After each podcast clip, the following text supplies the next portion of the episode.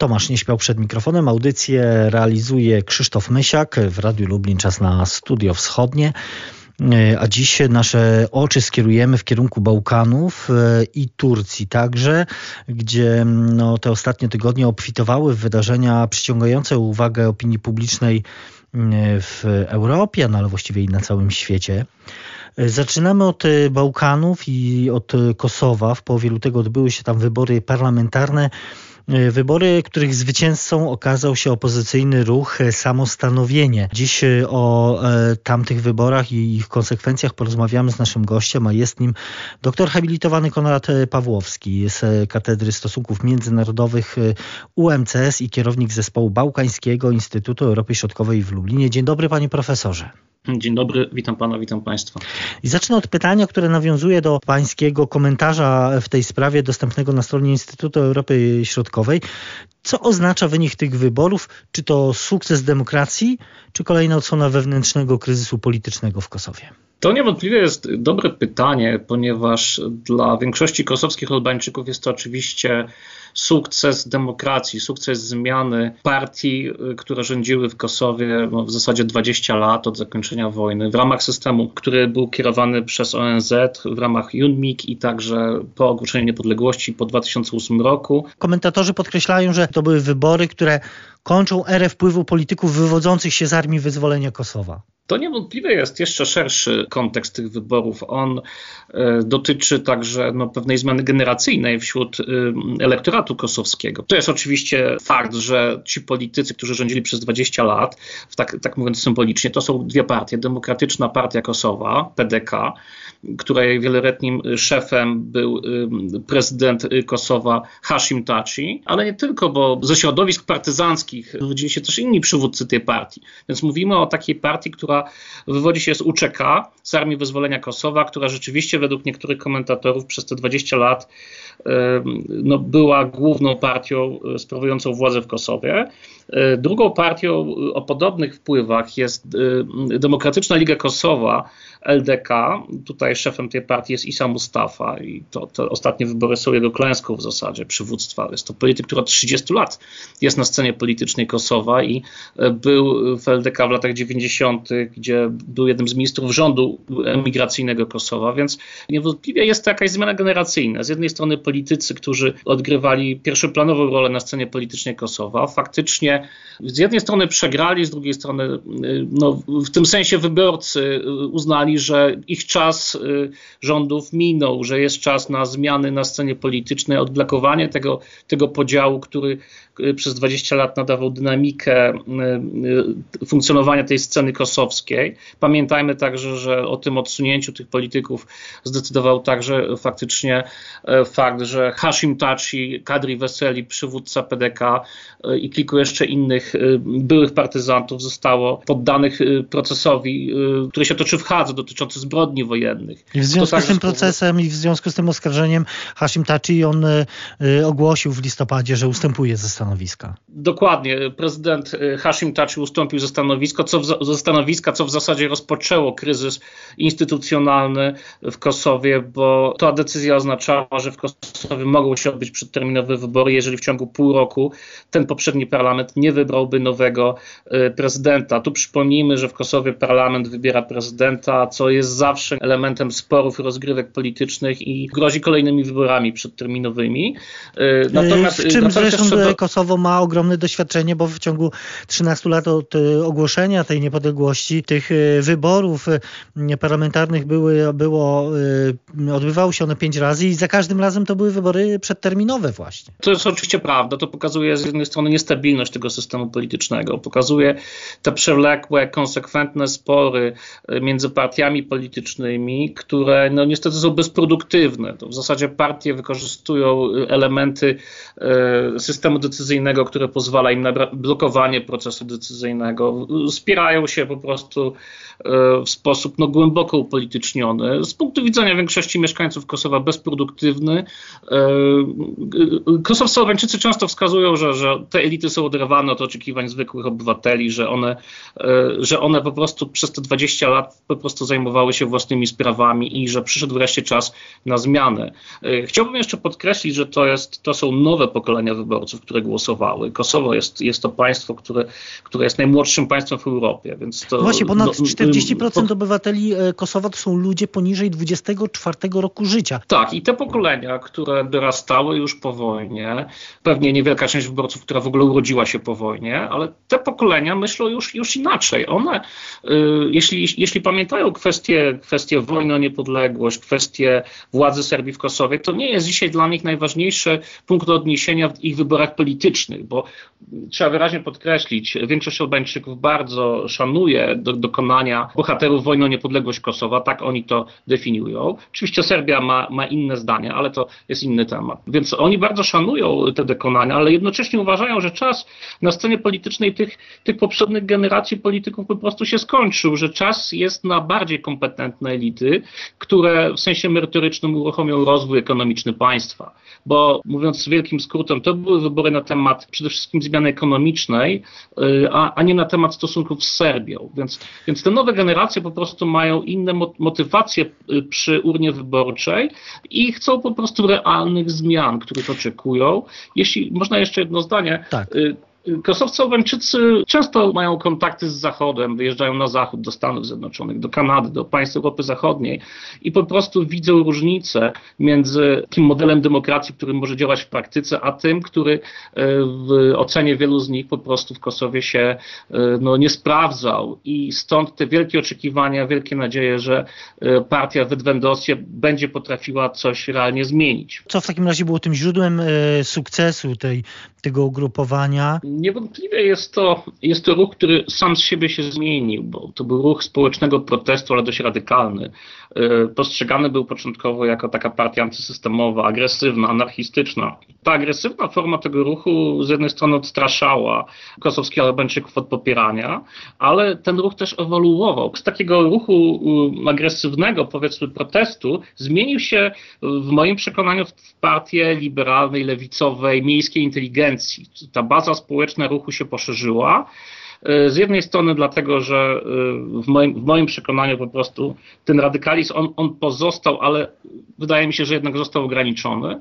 E, z drugiej strony ta, ta, ta blokada systemu politycznego Kosowa, ta stagnacja na kosowskiej scenie politycznej, że rząd tworzy albo PDK, albo LDK, szereg uświadomionych przez obywateli Kosowa i obiektywnych problemów tej państwowości dotyczącej właśnie wspomnianej stagnacji, ale także korupcji wszechogarniającej, niskiej niskiego standardu życia, poczucia wśród obywateli Kosowa, że elity są oderwane od, od zwykłych obywateli. To miało znaczenie na pewno, y, ponieważ Albin Kurti, który mm, w swoich dość radykalnych często wypowiedziach, czasem kontrowersyjnych wypowiedziach, y, prezentował oczywiście radykalną krytykę tej sytuacji w Kosowie, wskazywał na potrzebę zmiany, reformy państwa, odsunięcia od władzy skorumpowanych polityków, których on, do których się cały czas odwoływał, krytykując ich, ich że, że to że to są po prostu źli, źli liderzy polityczni w Kosowie. Więc e, Albin Kurti łączył w swoich wypowiedziach nurt e, jednocześnie odwołania do nowoczesnej demokracji, twierdząc, że ta demokracja w Kosowie po prostu została zawłaszczona przez te partie sprawujące władzę.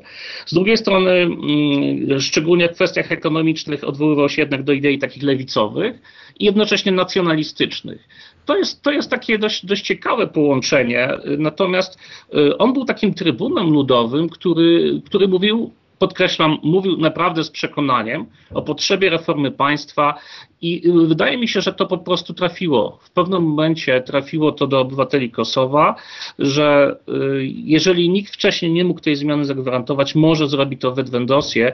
Pamiętajmy też, że na tą partię głosowali ludzie wykształceni, ludzie młodzi, sporo studentów. Y, w jakiś sposób stała się to partia modna, partia, jak powiedziałem, liberalnej, y, miejskiej inteligencji, która która widzi y, y, wady tego systemu politycznego i chce, chce zmiany.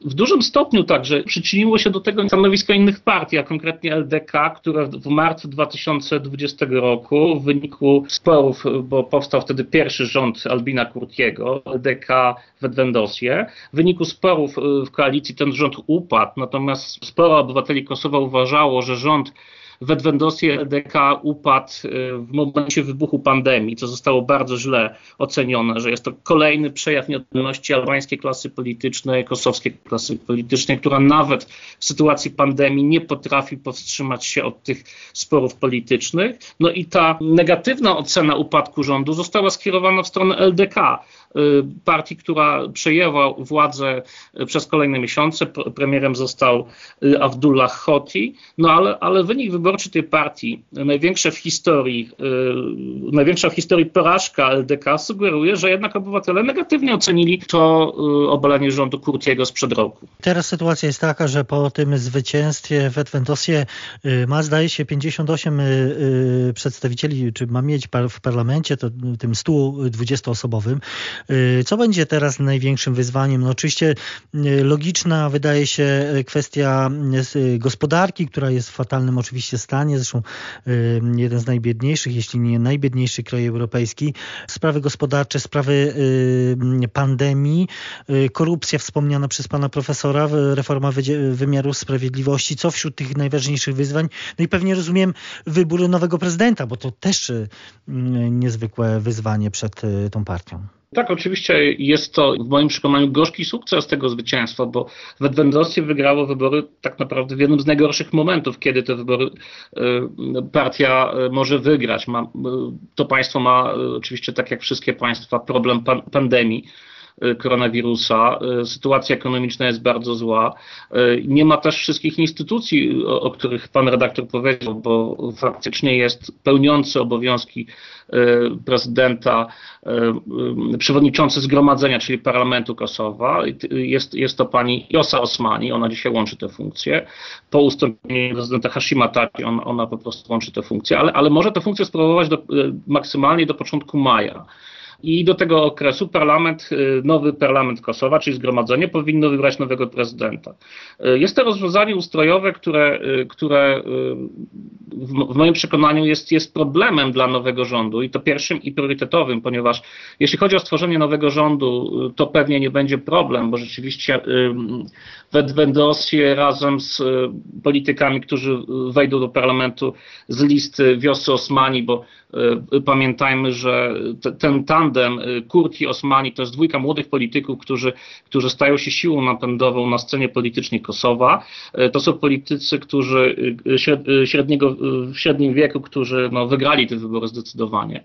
Więc taka koalicja powstanie i jeżeli jeszcze dodać do tego posłów, posłów mniejszości nieserbskich, o czym Albin Kurti mówi, no to ta większość, jeśli chodzi o powstanie rządu, powinna zostać spełniona. No problemem jest właśnie wybór prezydenta, który w mojej ocenie dokonany zostanie w marcu, e, gdzieś, e, bo, bo tak, to, tak to też jest sugerowane przez kosowskich polityków, więc to już jest zaraz, bo parlament wybiera prezydenta w trzech turach głosowania.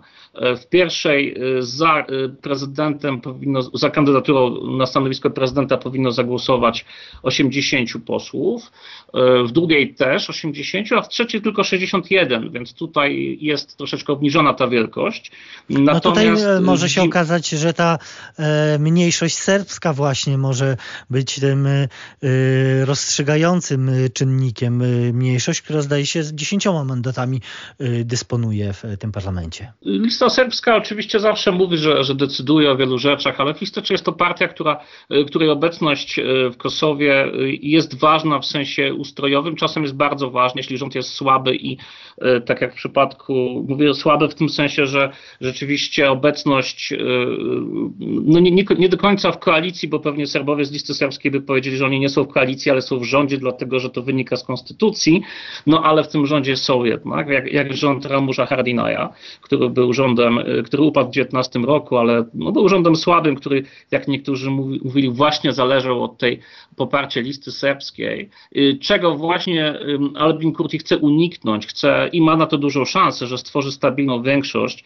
Y, w Kosowie to oznacza 61 głosów, przynajmniej, lepiej więcej oczywiście, żeby nie być zależnym od poparcia tej listy serbskiej, więc wpływ listy serbskiej jest różny. Lista serbska niewątpliwie będzie w nowym rządzie Kosowa, ponieważ, tak jak powiedziałem, wynika to z konstytucji Kosowa, ale jest to partia, która dość y, będzie głosowała na zasadzie, jeśli, jeśli pasuje dana decyzja stanowisku władz w Belgradzie, będzie ją popierać. Jeśli nie będzie pasowała, będzie się jej sprzeciwiać. Więc to nie jest tak, że ona będzie z zasady blokować wszystko. Absolutnie nie. Pamiętajmy, że lista serbska jest to jak niektórzy mówią, długie ramię Belgradu w Prisztinie. Jest to partia, która no, zdecydowanie, jak Władze Serbii podkreślają, że to, jest, że to jest jedyna serbska partia w Kosowie posiadająca poparcie Belgradu. To jest y, taka wojna serbsko-serbska w Kosowie, o której pewnie nie mamy czasu porozmawiać, ale ona też pokazuje specyfikę listy serbskiej. Natomiast, y, więc y, wydaje mi się, że będzie to partia, które, która, tak jak powiedziałem, będzie raczej konstruktywne stanowisko prezentować. Pamiętajmy też, że ta partia nie chciała przyczynić się do obalenia rządu Abdullaha Hotiego prezydentowi Vuciciowi nie zależało, żeby upadł, y, upadł y, rząd Hotiego, więc tam w tamtym roku były próby y, uchwalenia wotum nieufności. Lista serbska nie popierała, nie popierała takiego wotum, więc to jest przykład, że ta partia może także konstruktywną rolę odgrywać. To jeszcze do tych wyzwań. Tu pewnie jeszcze wiele wątków. E, tak jest. To jeszcze do tych, do tych wyzwań jeszcze bym do, e, dorzucił, no właśnie w kontekście tych relacji e, z Serbią, właśnie rozmowy z Serbią które no właściwie chyba teraz y, no, osiągnęły jakiś moment takiej stagnacji, e, o ile się nie mylę. Tak, no, rozmowy, dialog między Serbią i Kosowem w różnych odsłonach prowadzono od 2011 roku, y, który doprowadził do podpisania kilkudziesięciu porozumień. Faktycznie e, został wznowiony w połowie 2020 roku, co uznano za sukces. Natomiast ten dialog się toczył dalej. E, bez jakichś wielkich przełomowych rozstrzygnięć. Pytaniem e, jest oczywiście, jak nowy premier do tego podejdzie. Niewątpliwie premier Albin Kurti, przyszły premier Kosowa, absolutnie nie był zwolennikiem dialogu, wręcz bardzo radykalnie parę lat temu wzywał do zakończenia dialogu, twierdząc, że dialog nie służy interesom Kosowa. Ale jako premier y, faktycznie będzie musiał złagodzić stanowisko. Unia Europejska, Stany Zjednoczone podkreślają konieczność kontynuacji dialogu i tutaj y, dialog na pewno będzie kontynuowany. Y, jeśli chodzi o stanowisko Kurtiego, dialog absolutnie nie był, nie jest dla niego priorytetem. Kurti prezentuje takie stanowisko wycofane, że trzeba przejrzeć te wszystkie umowy, umowy, ocenić, co jest korzystne, co jest niekorzystne. Y, I więc dialog nie jest priorytetem. Dla niego priorytetem są reformy wewnętrzne, wzmocnienie państwa, poprawa sytuacji ekonomicznej.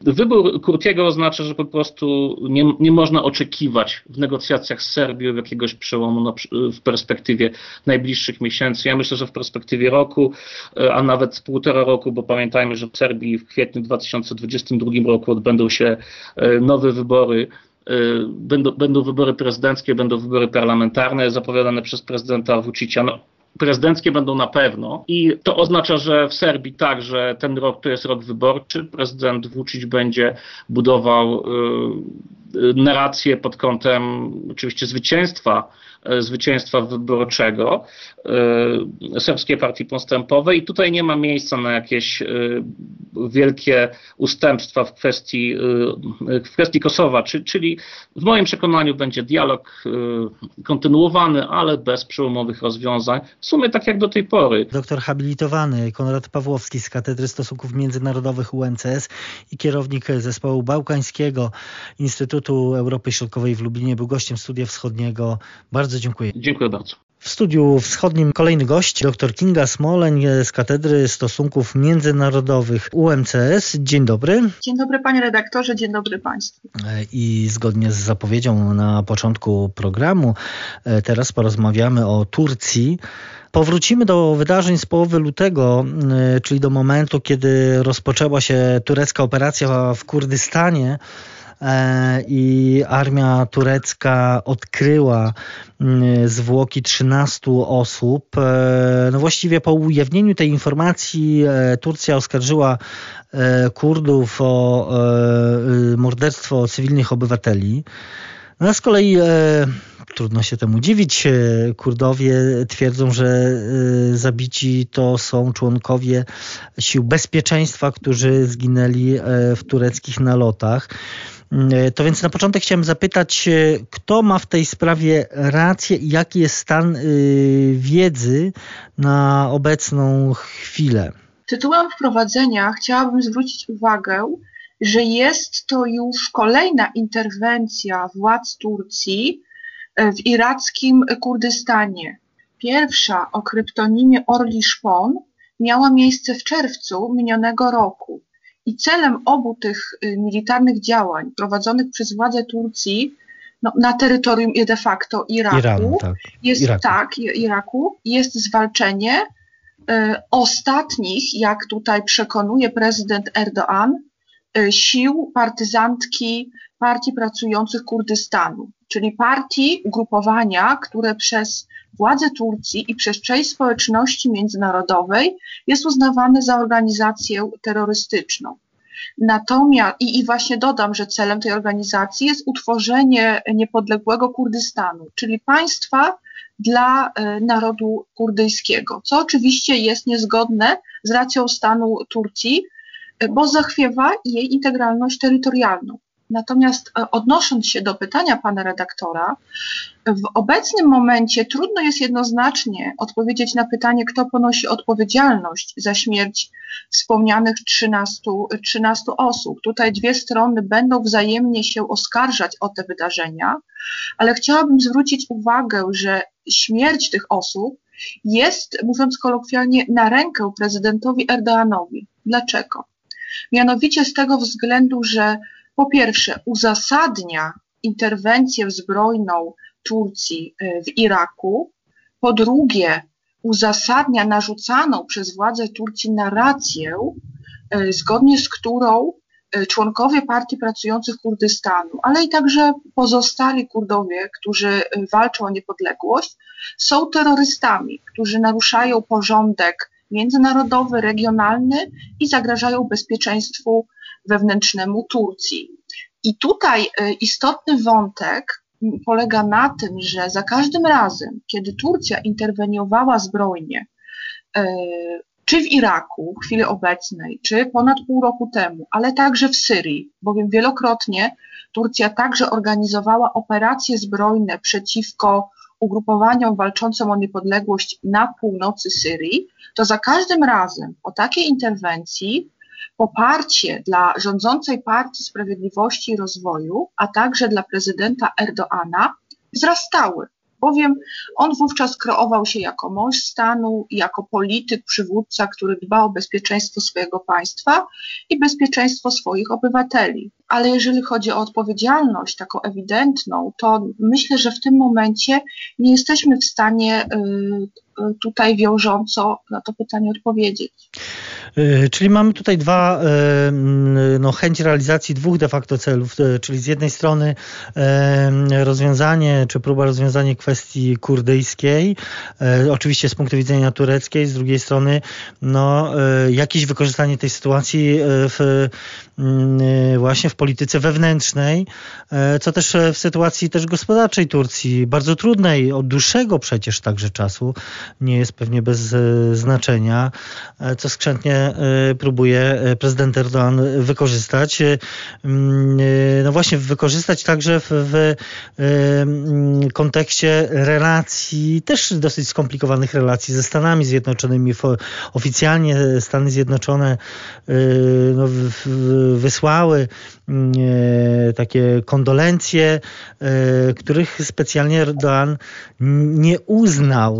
On wręcz tak buńczucznie oskarżył USA o wspieranie kurdyjskich e, terrorystów. Mm, to właśnie zapytam o, o, o tę postawę e, Amerykanów e, w tej sprawie. Stany Zjednoczone zachowały właśnie dość takie wstrzemięźliwe stanowisko, jeżeli chodzi o reakcję na mord na wspomnianych cywilach, czy też członków tutaj si tureckich sił, sił zbrojnych. Dlaczego? No, aby nie eskalować, aby nie eskalować i tak już napiętej sytuacji na Bliskim Wschodzie, który jest regionem bardzo złożonym, dynamicznym. A co więcej, sprawa kurdyjska od lat jakby stoi w sprzeczności z interesami, może nie głównych, ale bardzo istotnych graczy regionalnych. Oprócz Turcji przecież jest to Irak, Iran oraz osłabiona, ale jednak dalej chcąca brać udział w tych regionalnych wydarzeniach Syria. Z drugiej jednak strony Stany Zjednoczone, tym bardziej, że czekamy, proszę pamiętać, na nowe otwarcie już po utworzeniu nowej administracji przez Bidena, Stany Zjednoczone nie mogą jednoznacznie e, powiedzieć Kurdom, że obarczyć Kurdów z odpowiedzialnością za owe wydarzenia, bowiem e, Amerykanie od lat pozostają takim nieformalnym adwokatem interesów Kurdów w regionie.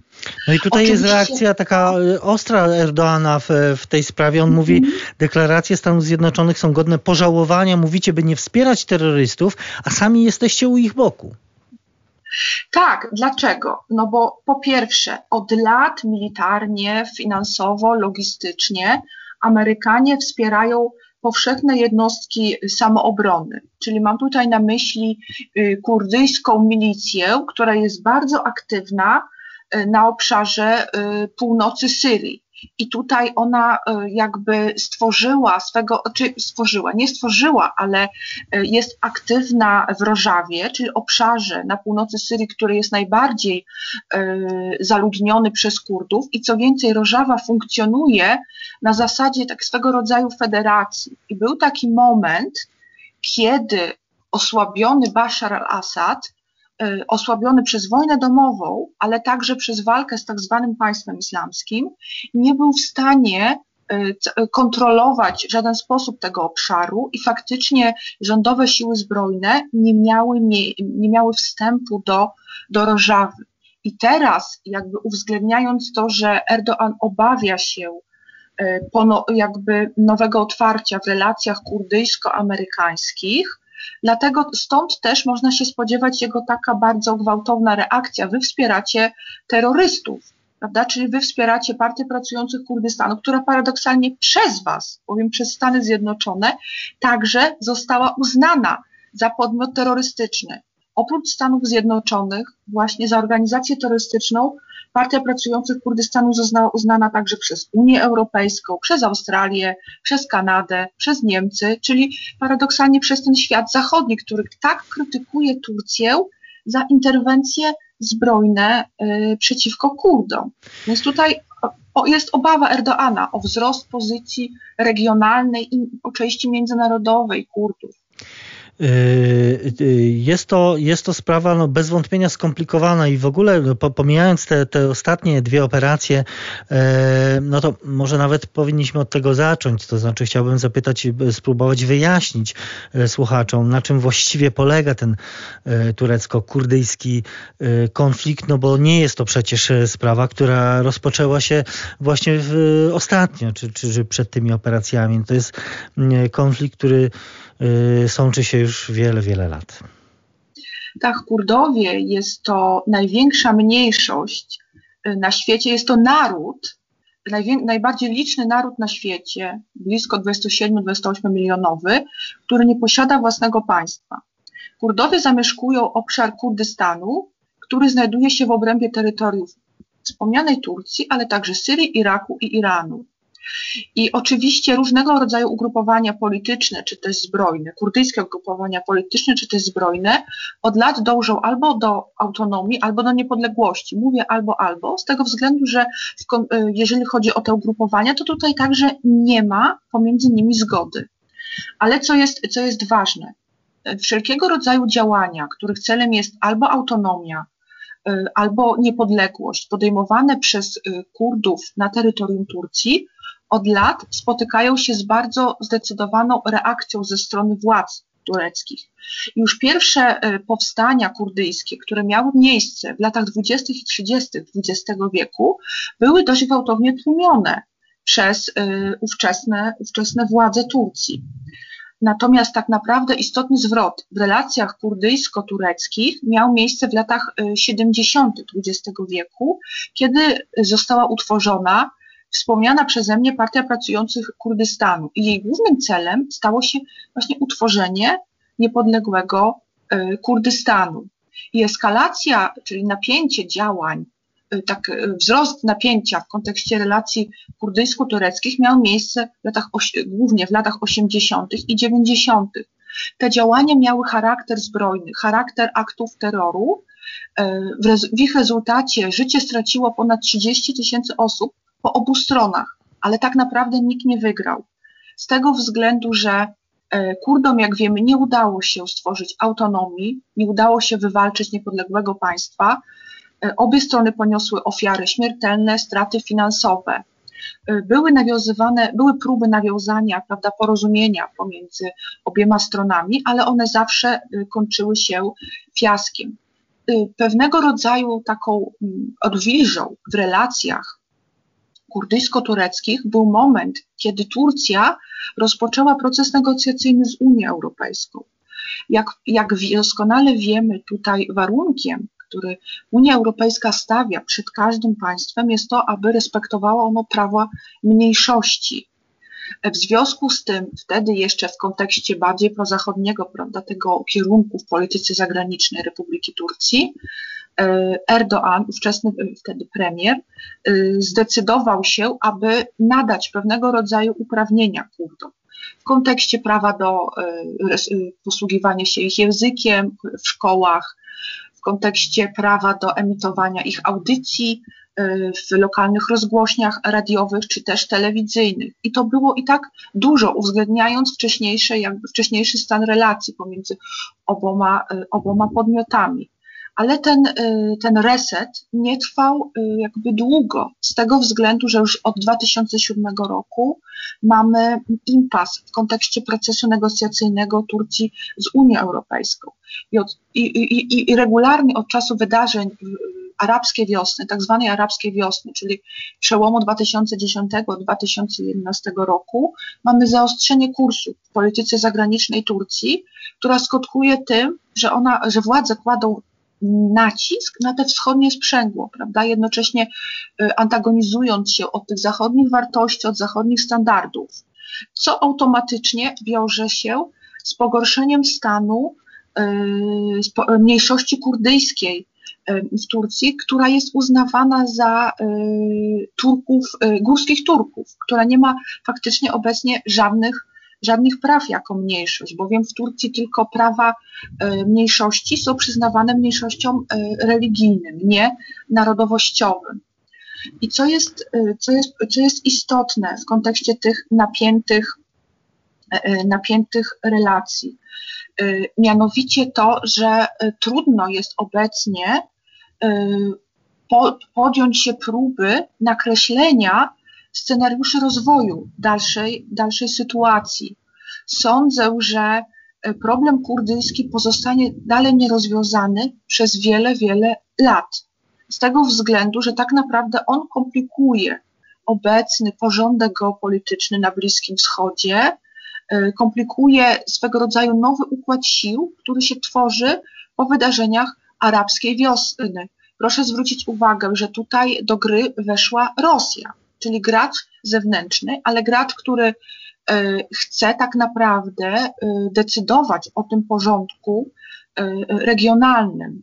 Ja myślę, tak że naprawdę, też, że sprawę, sprawę też komplikuje w pewien sposób, czy skomplikowało w pewnym momencie, e, no, skomplikowały te niewątpliwe sukcesy e, Kurdów w walce z państwem islamskim, co, e, co też przy, przy jakiejś współpracy z Amerykanami, no, mhm. bez wątpienia, no, też wytrąciło jakiś argument stronie tureckiej. Oczywiście, bowiem moment, kiedy y, skutecznie y, y, kurdyjscy partyzanci zaangażowali się w walkę z tak zwanym państwem islamskim, oni stali się potrzebni. Stali się potrzebni społeczności międzynarodowej i w tym momencie żadne z państw nie mogło krytykować autonomicznych, czy też nie, oficjalnie nie mogło krytykować autonomicznych, czy też niepodległościowych działań Kurdów. Ale proszę zwrócić uwagę, ISIS teraz, ono jest, i odbudowuje swoje struktury, ale y, y, na Sahelu. Więc jakby obecnie z naszej perspektywy, z naszej optyki, to niebezpieczeństwo jest troszeczkę odległe ze strony terroryzmu, terrorystów islamskich. Więc y, obecnie Kurdowie także są jakby mniej potrzebni. Mówiąc kolokwialnie, robią troszeczkę, mogą robić obecnie troszeczkę zamieszania na Bliskim Wschodzie. Więc sądzę, że jeżeli oni na nowo będą w jakiś sposób użyteczni dla Zachodu, wówczas znowu ten problem ich niepodległości, też autonomii będzie powracał w takiej jakby fazie różnego rodzaju cykli. Ale y, na to musimy jeszcze poczekać. Ja bym tutaj zwróciła uwagę na inną jeszcze istotną kwestię. Y, interwencja zbrojna bo za taką władze Iraku uznają tutaj prawda, wejście władz y, wojsk y, tureckich na swoje terytorium, czyli interwencja zbrojna Orli Szpon i 1 i 2 jest uznawana za naruszenie integralności terytorialnej Iraku przez władze tego państwa. Więc widzimy tutaj, że wyraźnie dochodzi do eskalacji relacji pomiędzy Turcją i Irakiem. Irak obecny natomiast jest bardzo wspierany przez Iran. Tutaj irańskie wpływy w tym państwie są bardzo istotne i wyraźne, więc widzimy tutaj narastające antagonizmy. Z drugiej strony wcześniejsze interwencje, y, czy też gałązka oliwna w 2018 roku, czy też źródło pokoju w październiku w 2019 roku, były te interwencje przeprowadzone na północy Syrii przez władze Turcji, one były wspierane przez reżim Bashara al-Assada. Co więcej, była taka nieoficjalna pomoc na ich przeprowadzenie i ich przyzwolenie ze strony Rosji. Więc proszę zwrócić uwagę, tutaj mamy jakby nowy swego rodzaju koncept mocarstw na Bliskim Wschodzie i tak naprawdę e, Kurdowie e, znowu będą, niby walcząc o swoje, ale widać, że będą instrumentalnie wykorzystywani do, do tej potyczki.